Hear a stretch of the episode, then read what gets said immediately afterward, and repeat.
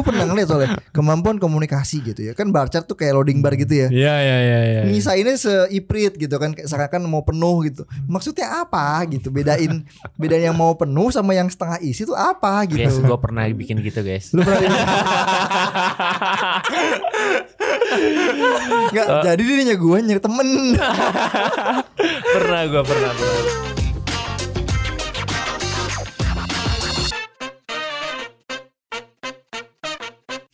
Kan setidaknya Ini organisasi siapa sih yang yang bikin topik ini? Gua kenapa Pak? Lo, lo, lo kenapa muncul akhirnya dengan mulai. ide ini? Oh udah udah, udah langsung Eh aja. udah, udah mulai kita sekarang. Udah, lanjut Oh. aja udah. Buset deh kaget gue Apa? Kenapa lo muncul dengan topik ini?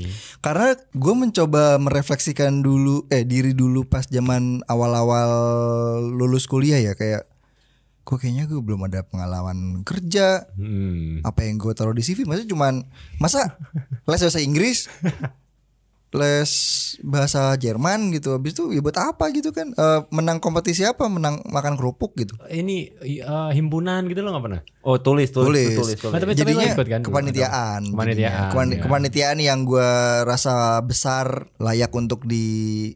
dipamerkan lah Tapi kan nggak semua kepanitiaan bisa ditulis. Contoh misalkan lu keamanan gitu. Tangan jaga parkir kan kadang-kadang. ya nggak juga sih tergantung kalau kampus lu ke, emang dites gitu Enggak dulu di di ini SMA gua. oh di SMA enak kan gue ngeceknya kan enak kan kampus akan sama ya kalau kayak gue misalkan panitia wisuda ada bagian ortu dan sholat? Apaan tuh ortu dan Nah, sholat? itu menyiapkan sendal di musola Anjay. Oke oke oke. waktu lo dikulik waktu interview apa yang, enggak- anda pelajari? enggak, yang kayak gitu nggak gue masukin ke CV Oh. Ya, tapi misalkan apa ya, da- eh, jadi danus gitu, kayak fundraiser buat nyari sponsor, nah itu Hmm. kayaknya gue masukin, cuman gue, iya, ya kayak gue masukin deh. Cuman ini kayak chicken and egg kan jadinya, kayak lu, lu perlu apa-apa. bisa, lu perlu bisa membawa diri lu mem- memamerkan kemampuan lu dengan apa adanya di CV. Hmm. Tapi kan lu belum punya pengalaman kerja, jadi apa yang bisa ditaruh di situ gitu? Dan Iya. apakah apa sih yang dilihat sebenarnya mungkin eh, yang lebih praktisnya adalah sebenarnya kalau lu sebagai lu kan lu hiring juga kan lu Ya. kan juga interview orang gitu kan lu baca Ya, ya. ngeliat CV orang juga kan apa sih yang lu lihat itu bernilai di CV seorang fresh graduates Hmm. atau un- untuk misalkan dia internship nih kan dia masih kuliah nih Hmm. apa sih yang menurut lu bernilai gitu di di mata lu terkait dengan si CV yang lu lihat itu gitu Gua, gua gua jujur sih tipikal orang yang nggak hire orang karena CV sih kalau gue ya. karena PT Kayak karena PT. Harus PT ya. Karena yayasan. atau firma Kalau di CV kalau gua ngeliat CV itu biasanya yang gua lihat cuma kayak oke lo kuliahnya apa, jurusan apa. Hmm. Udah itu. Walaupun dia nulis kayak pengalaman kerja apa Moto gitu hidup. ya. Mo- Moto hidup lagi gitu. Gua gua nggak terlalu nggak terlalu Ngeliatin ke sana. ngeliatin ke sana. Nah, Hmm. tapi gua itu selalu uh, based on interviewnya. Jadi gua Hmm. uh, lebih ke arah kayak lu ceritain deh lo uh, udah ngapain aja gitu. Hmm. Nah, menurut gua itu lebih lebih bernilai gitu. Jadi yang Berarti lu nggak nggak nggak nge-screening CV. Ya, nge-screening tapi Nge-screeningnya sebatas tadi ya eh, kuliah di mana. Iya, kuliah kuliah di mana dan eh, jurusannya apa. Paling Kalau misalkan Oh, iya. ada yang apply tapi dari kampus yang lu nggak kenal gitu atau lu nah kalau tahu. kayak gitu baru. Kalau kayak gitu baru. Oh. Jadi ya kan kayak- misalkan kalau kayak gitu kan berarti ada kemungkinan bias nih misalkan wah anak UI nih, wah anak Iya, iya. eh, Fakultas Ekonomi UGM gitu atau Hmm. FE Unpad atau FE UI gitu yang mungkin udah top gitu kan. Hmm, hmm. Lu mungkin kayak ya udah tutup mata yang lainnya. Tapi kalau misalkan dia Fakultas Ekonomi kampus apa gitu yang yang Hmm, yang even nggak- lu nggak kan lu nggak tahu gitu. Nah, itu biasanya baru baru gua lihat dia udah Hmm. pernah ngapain aja gitu. Cuma ya walaupun mungkin ya mungkin gua sekilas ngelihat kali ya, tapi eh, nggak nggak pernah yang kayak gua emes gitu kayak wah dia pernah jadi ketua himpunan gitu. Oh, dia pernah jadi Hmm. presbem. Gua bukan orang yang gampang impress sama itu gitu. Hmm. Ya gua gua sih bukan orang yang gampang impress dari ngelihat eh, apa lo pernah jadi maksudnya di Ketua himpunan Ya, gitu ya. misalnya ketua kayak lo pernah jadi ketua himpunan, lo pernah jadi presbem gitu ya. Hmm. Gua nggak terlalu impress gitu. Ini ini balik lagi ya pribadi gua ya Hmm. karena gue biasanya ngelihatnya oke gue baca sekilas aja yang yang gue lihat yang penting misalnya dia aktif gitu udah Iya. eh, oh dia pernah ikut ikut ini ya udah gitu aja tapi nggak gua nggak bener-bener ngeliatin oh dia pernah jadi leader pernah apa itu gua nggak terlalu ngelihat dari CV Oke. nah biasanya gua ngeceknya dari interview, Interview. gitu jadi dari eh, menurut gua nggak penting peran eh, title lo apa tapi yang paling penting peran lo apa dan lo bisa nyeritain peran lo Hmm. Tetapi ini untuk sih. i- i- eh, perlakuan ini khusus untuk yang fresh grads atau even yang udah punya pengalaman kerja pun juga lu lakukan hal yang serupa. Iya, even malah mungkin kalau yang udah pengalaman kerja lebih dalam ya. Jadi kayak eh, ya gue nyeritain aja kayak lo udah pernah Oh, ngapain. sorry, aja dalamnya itu gitu. di interview. Di interview, Jadi di bukan interview. maksud gua perlakuan lu di ngebaca CV-nya pun sama ya untuk pengalaman ataupun iya. yang masih fresh grads. Ya kalau kalau yang mungkin kalau yang pengalaman eh, gua lebih detail yang terkait sama yang misalnya gue butuhin gitu ya. Kayak Oke. misalnya misalnya waktu gua dulu di pemimpin.id gitu ya. Hmm. Apa ngelihat gue butuh manajer media misalnya. Hmm. Nah gua agak lebih detail tuh kayak lo pernah ngelola sosmed apa enggak misalnya gitu kan. Lo Hmm, pernah apa itu gua agak lebih detail itunya gitu. Tapi itu gua perdalam lagi dengan dengan cerita gitu karena gua Oke. lebih percaya orang yang kayak storytellingnya gitu loh kayak Hmm. menyampaikannya itu lo bisa menyampaikan apa yang lo lakuin nggak sih gitu gue Hmm. tipikal orang yang lebih kayak gitu Tapi effort lu gede banget berarti ya. Kalau Iya, berarti kan kalau on interview kayak gitu kan. ya karena kan yang yang, yang interview kan gue nggak nggak interview semua kan ram maksudnya kan udah ya kalau eh, apalagi kalau waktu Aji gue kan raja di terakhir. Oh Kalau iya, gua di ba- tadi baru kan- gua baru Windows tadi kan udah terakhir gitu kan. Cuma kalau kalau yang di peran gue yang sekarang gue belum pernah interview sih gitu. Hmm. Cuma kalau waktu gue dulu di pemimpin.id itu udah ya udah terseleksi Ini end user berarti ya. end user gue. Ya lebih karena raja terakhir aja sih, Raja udah bukan terakhir, answer iya, lagi iya, udah. iya. Setelah dia udah tinggal masalah over apa enggak gitu kan, terima apa enggak. Hmm. Soalnya kan kalau misalkan posisinya kita hiring gitu kan, terus kita bukan jadi raja terakhir tadi, tetap butuh bisa ngelihat CV kan. Mm-mm. Memang kalau gue sih ngerti gini, CV itu saat tidak digunakan dengan baik akan kelihatan bullshitnya. Hmm. Kayak Contohnya, contohnya. Ya misalkan dia taruh banyak achievement di sana gitu kan habis itu eh, dia udah pernah internship lah atau dia pernah ada project apalah gitu kan itu akan jadi bullshit pas di interviewnya dia nggak kuat Nah itu. jadi kalau gue sih ngeliatnya gini di CV itu at least gue bisa kayak identify potential red flagnya kayak Hmm. misalkan wah nih orang ambisius nih misalnya tipe-tipe orang ambisius itu kan kayak organisasinya dia jadi ketua ya. terus tapi perkuliahannya kayaknya tepat waktu IP IP-nya terus kayak tinggi gitu terus Hmm. eh, ikut kompetisi dan banyak dan aktif terus udah pernah internship juga berapa kali misalkan gitu ya ini Hmm. terutama yang Hmm. fresh grads ya Nah. itu kan kayak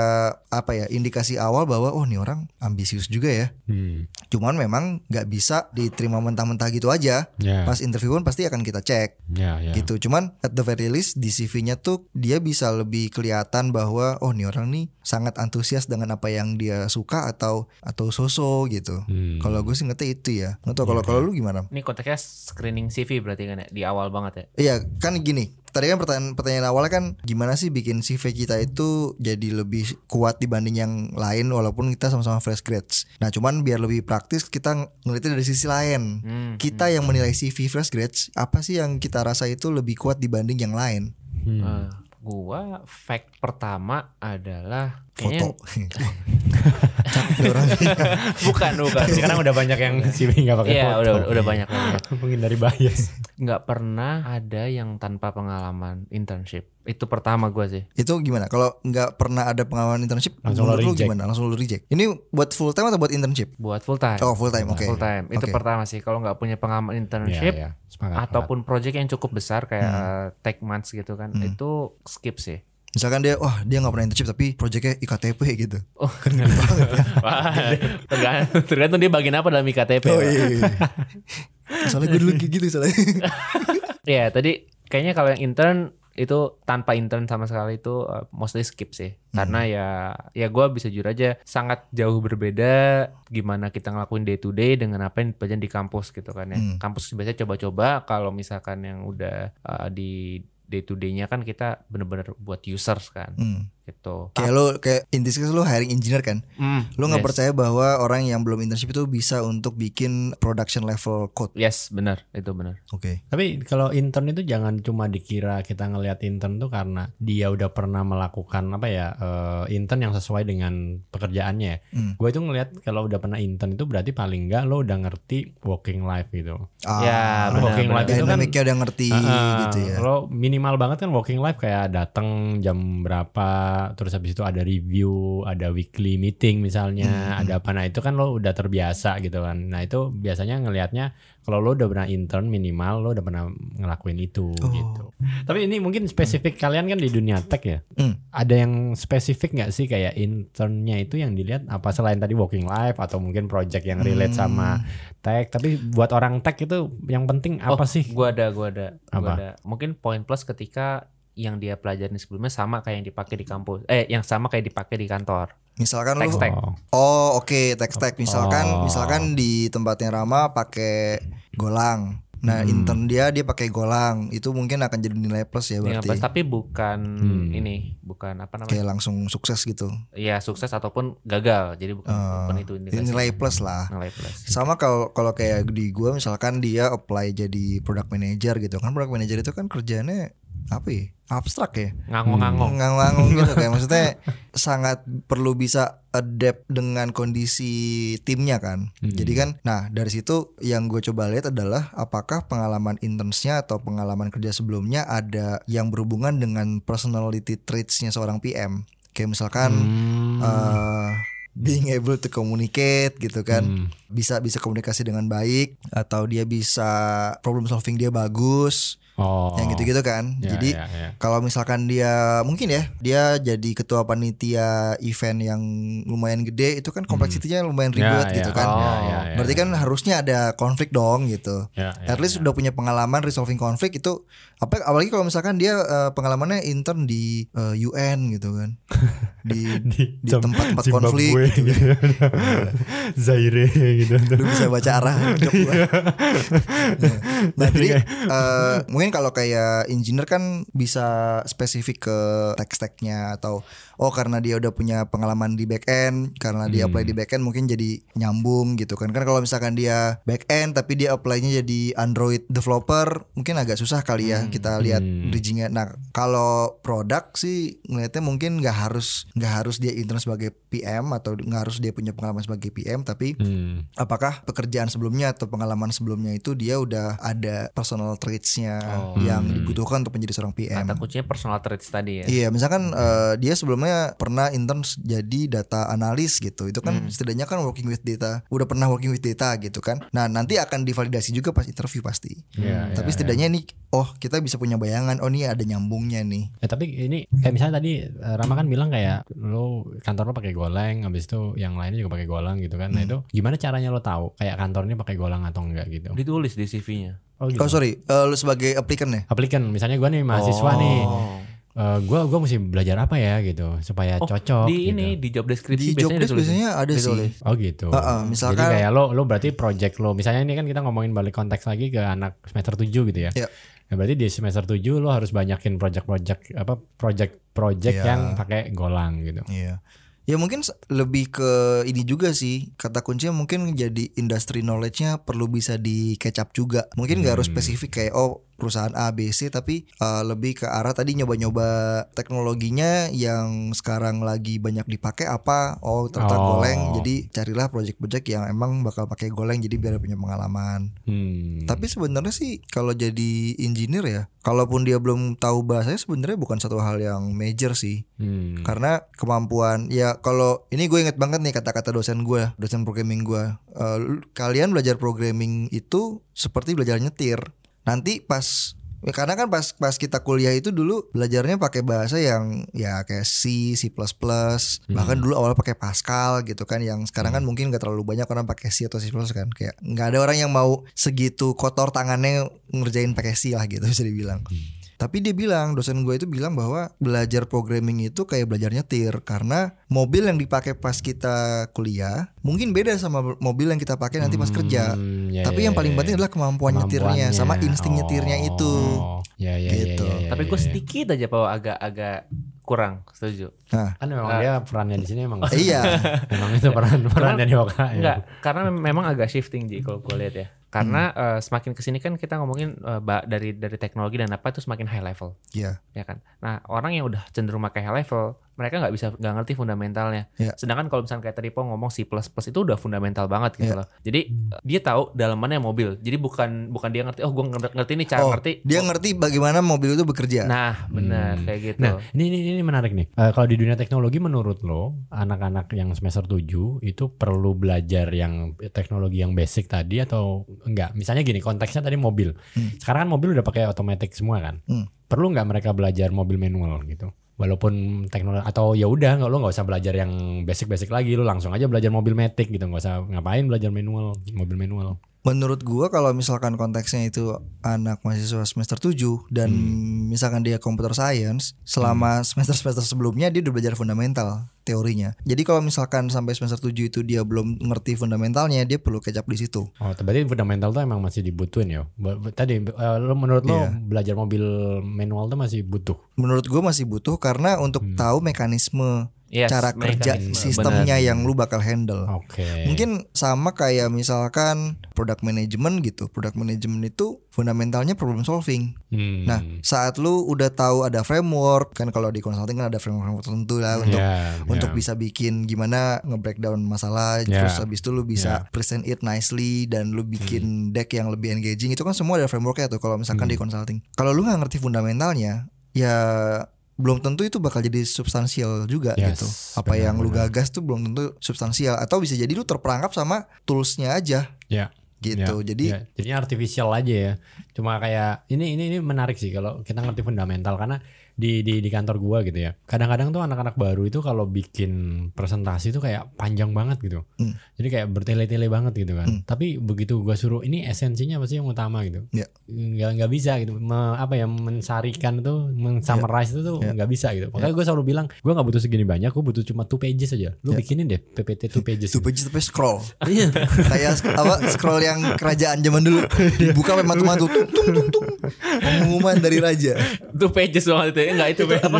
Ba- Bahasa bahasa webnya apa? Infinite Infinite Scroll. infinite scroll itu kan eh, eh, literally namanya scroll kan Iya scroll. Iya, literally namanya scroll itu karena lu lu scroll, Scroll. tapi scroll itu sampai mantul-mantul di lantai gitu, Ayo saking lu, lu, panjangnya. lu tadi dilawan pakai gitu aja. Iya. Ini satu pages kak. Nah itu sih, jadi eh, buat lo bisa bikin two pages itu lo harus ngerti fundamental gitu. Iya. Jadi Nah, pada saat lo present, kembali lo lagi. langsung ke esensinya. Oke, gitu. kembali lagi kalau kita setuju nih masalah fundamental, gimana kita bisa menggambarkan fundamental kemampuan fundamental itu di CV? Gua ada satu kok. Nah, Nah, ini ini yang boleh tiga boleh kok, satu juga. satu dulu. Bagi kita kita ada bertiga. Oke, Tapi ini opinionated banget dari gua ya. nggak apa-apa. Kalau anak baru, anak baru lulus atau itu mereka cenderung suka naruh di CV tuh, oh gue pernah bikin website pakai text tag nih. Jadi jadi Oke. text tagnya di, di, di abuse. Oh gue gue pernah bikin pakai React, gue pernah bikin pakai Golang, gue pernah bikin gini gini gini. Ya. Nah, turns out ini tuh ada ada dua hal. Jadi uh, dalam dalam teknologi itu ada dua, satu horizontal knowledge, satu lagi vertical knowledge. Oke, Horizontal horizontal knowledge adalah lu, lu tahu banyak, tahu banyak teknologi lah, bla bla bla bla bla.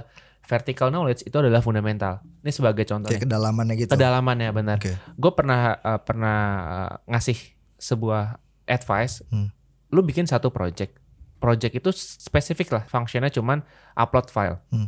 Oke, lu bikin upload file, tapi yang gue cari bukan upload filenya doang. Hmm. Coba lu bikin filenya tuh jadi 2 mega, 200 mega, Hmm. 2 giga, 2 tera. Itu udah beda banget implementasinya, Hmm. caranya itu udah beda banget. Jadi Hmm. itu gue bilang fact, uh, verticality dari domainnya itu sih. Sama-sama upload file, tapi nanti karena misalkan lu maksudnya gimana sih maksimal 2 mega gitu. Iya. Dari Enggak, enggak. Maksudnya pertama lu bikin maksimal 2 mega, maksimal 4 mega, maksimal 2 2 giga gitu. itu udah Oh, jauh oke, banget. Oke. Oke. Hmm. Dan itu lebih menarik. Iya, iya, iya. Hmm. Kalau gua sih sim paling simple eh, dia bisa bikin CV dua halaman atau enggak. Itu Oke. udah itu itu udah udah menurut gua udah red flag. Udah lebih dari dua halaman udah lo red flag lo nggak bisa nyeritain diri lo dengan concise gitu kan. Oke. Gitu. Hmm. Nah itu buat teman-teman berarti CV CV itu tidak langsung bagus kalau misalkan berhalaman-halaman. Berhalaman berhalaman gitu. Bahkan sebenarnya satu halaman cukup. Satu halaman cukup Maksimal misalnya bisa maksimal maksimal dua gitu. Maksimal banget gak sih sebenarnya dua? Maksimal, maksimal banget, banget, dua. maksimal banget. Iya. Kalau bisa satu satu gitu. Iya. Nah terus yang kedua dari cara lo menceritakan peran lo tadi gitu. Jadi kayak misalnya, eh, misalnya gue leader pemimpin.id misalnya gitu ya. Hmm. Ya udah gue nulisnya misalnya managing team atau managing diverse team, eh, fokus on media, community, and program for leadership. Udah, Hmm. that's it. Itu kan kayak udah managing team gitu kan udah kayak. Jadi nggak perlu lo ceritain kayak, eh, oh gue peran gue di sini eh, bikin apa, bikin apa. Menurut gue itu terlalu complicated gitu. Nah, jadi kalau lo bisa nyeritain simple dan itu tapi langsung kena, nah itu udah langsung hint tuh kalau oh nih anak ngerti nih gitu, ngerti ngerti, ngerti esensi. Karena buat bikin satu kalimat tadi itu kan esensi kan gitu. Iya iya iya. Kayak lu mem- memaksa diri lu untuk nge-squeeze semua informasi yang ada Bener, hanya dalam jadi satu satu satu iya. kalimat. Itu kan baru role-nya. Butuh nggak kita taruh achievementnya juga kayak misalkan misalkan lu sebagai ketua nih ketua panitia gitu kan Hmm. uh, able to apa ya get 10,000 audience dari targetnya misalkan 8.000 gitu. Wajib nggak wajib lah itu. Depend sih. Oh iya. Depend. Lu, lu depend. Ini Beda seru nih. Gua gua depend sih. Lu wajib. Kenapa wajib? Ya quantified aja. Quantified. Iya dan Tapi maksudnya quantified tapi di sisi achievement ya. Nah, Oke. kayak lu bisa fundraising 500 m gitu. Ya tanpa dia nulis apa udah uh, bagus banget ini orang gitu kan. Jadi ya Hmm. Kalau Tapi gua dia pernah jadi programmer. siapa tahu. Hmm. Siapa tahu dia bisa mengurangi cost gitu kan. Oh iya iya iya iya. kalau kalau gua lebih eh, seneng ngelihat tanggung jawab lo sih daripada achievement lo. Hmm. Hmm.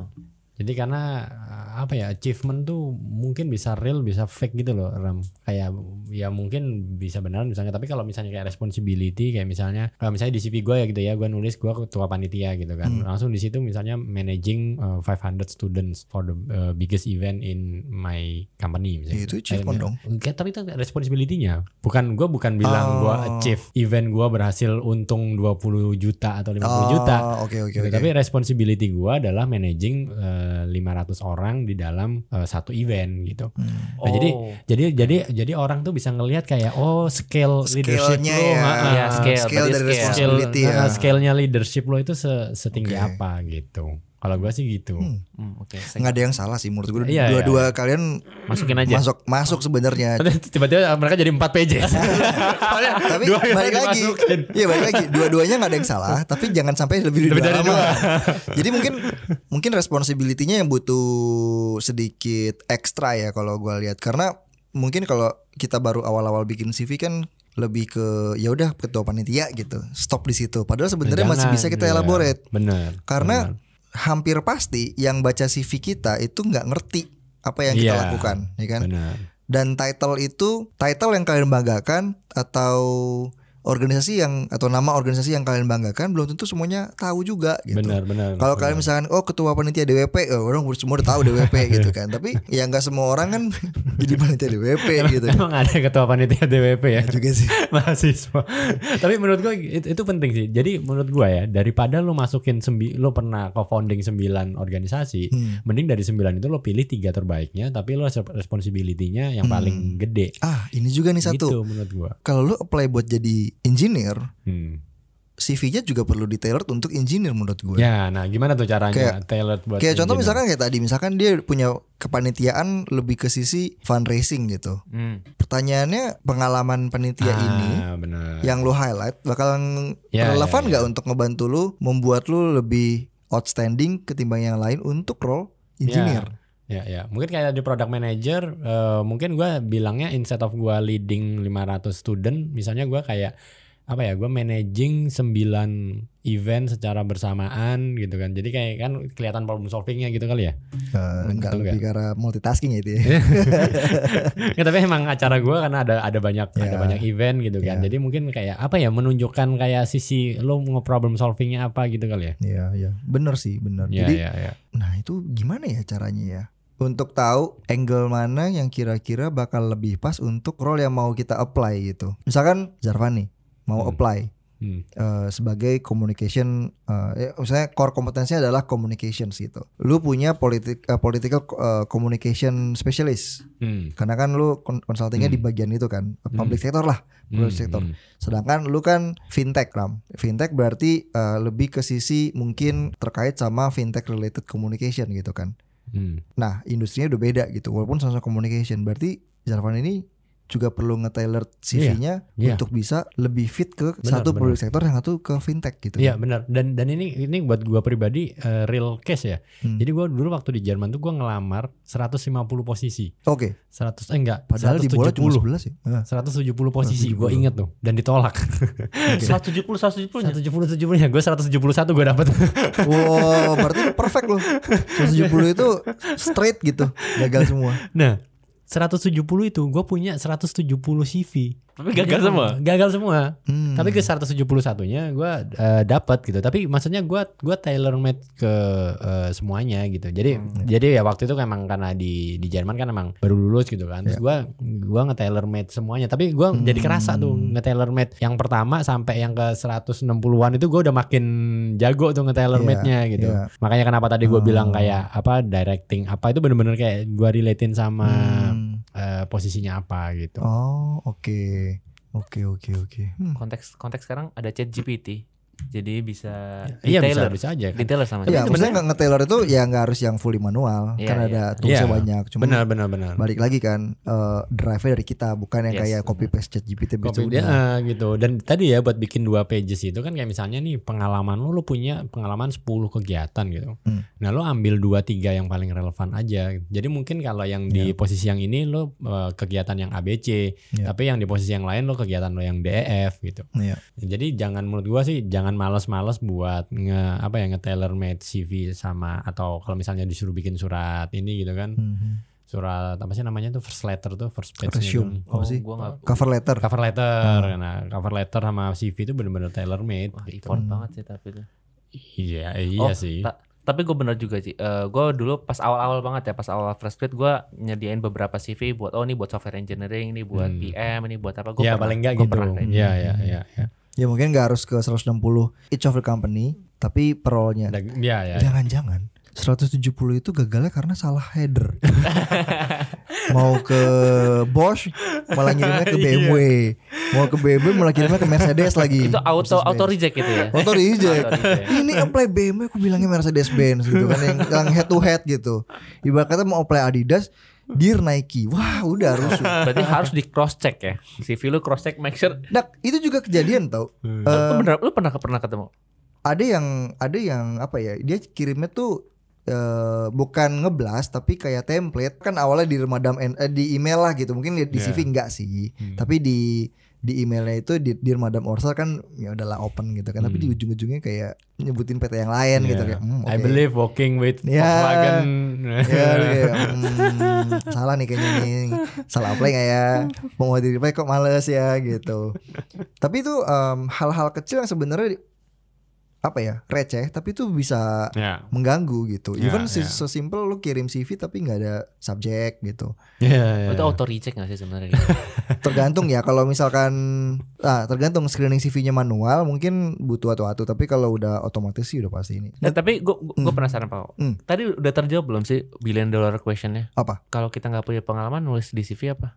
Eh, oke kalau menurut gua adalah nggak gini, Iya, gini. iya. menurut gua adalah lu ada pengalaman atau nggak ada menurut gua adalah yang paling penting lu harus jujur. Genuine aja. Saat lu belum punya ya lu taruh aja apa yang lu punya. Jangan lu ada-adain. Karena ada orang yang kayak ngerasa oh gue belum belum punya pengalaman jadi gua ada-adain deh apa yang apa yang gue pernah lewatin gua taruh deh di situ.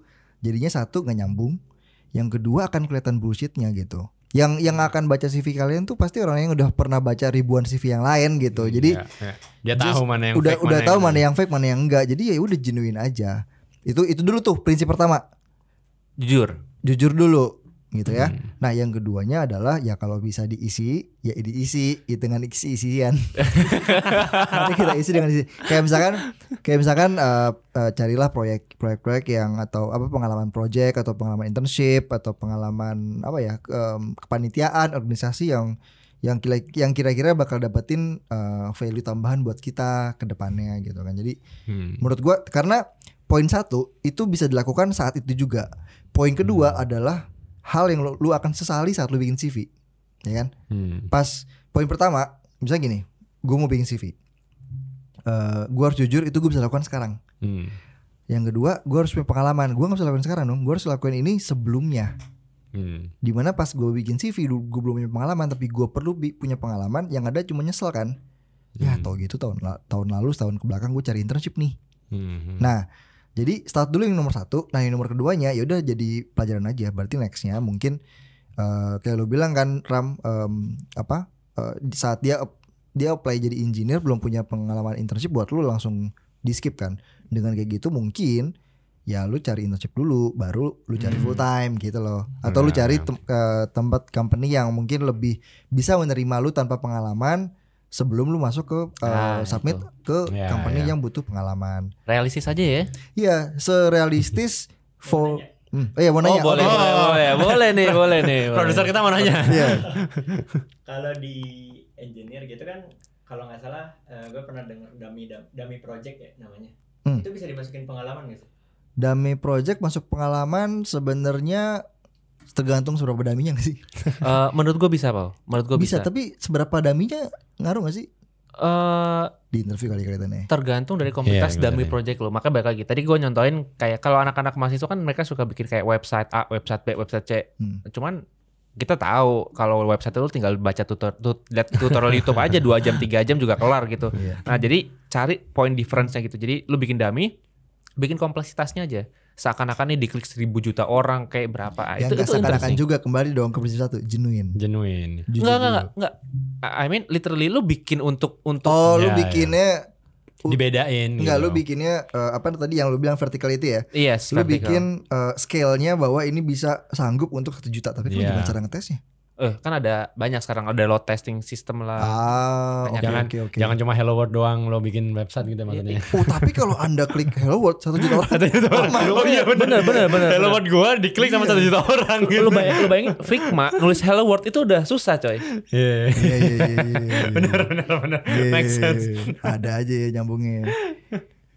Oke oke. Nah jadinya ya, itulah jujur dan juga realistis. Serealistis follow kita Follow di kita Spotify. dan, dan harus jujur Dan harus jujur nge-follow kita. Jangan pakai akun telur. Tahu akun yang belakangnya ada angka-angkanya. Iya. Tahu juga sekarang kan kayak beberapa company kan mereka udah punya ini ya yang automated CV screening kan. Hmm. Jadi kayak harus comply, eh, ya harus ada kayak CV terus di comply deh, kayak harus comply sesuatu. Jadi nggak bisa lagi yang apa sih bikin pie chart gitu kan. Terus Hmm. kemampuan eh, Adobe Photoshop 99% 99% gitu kan pakai Eh. pakai bar chart gitu kan. Kayak gua nggak paham gimana. Pernah tapi kan lo. Enggak, Oh lu gak pernah? enggak. Gua pernah melihat enggak. itu. Lu nggak nggak pernah bikin kayak gitu tapi? Enggak pernah. Oh. Kayak buat apa? Gua gua gua gua tuh biasa ya. Gua tipikal orang yang seneng ada tuh mending tulisan sih daripada yang gambar-gambar kayak pie chart pie chart. Iya lagi pula lagi pula misalkan gue pernah ngeliat soalnya kemampuan komunikasi gitu ya kan bar chart tuh kayak loading bar gitu ya Iya iya iya iya. ngisainnya seiprit gitu kan kayak seakan mau penuh gitu maksudnya apa gitu bedain bedain yang mau penuh sama yang setengah isi tuh apa gitu Guys, gue pernah bikin gitu guys. lu pernah Nggak, jadi dirinya gue nyari temen.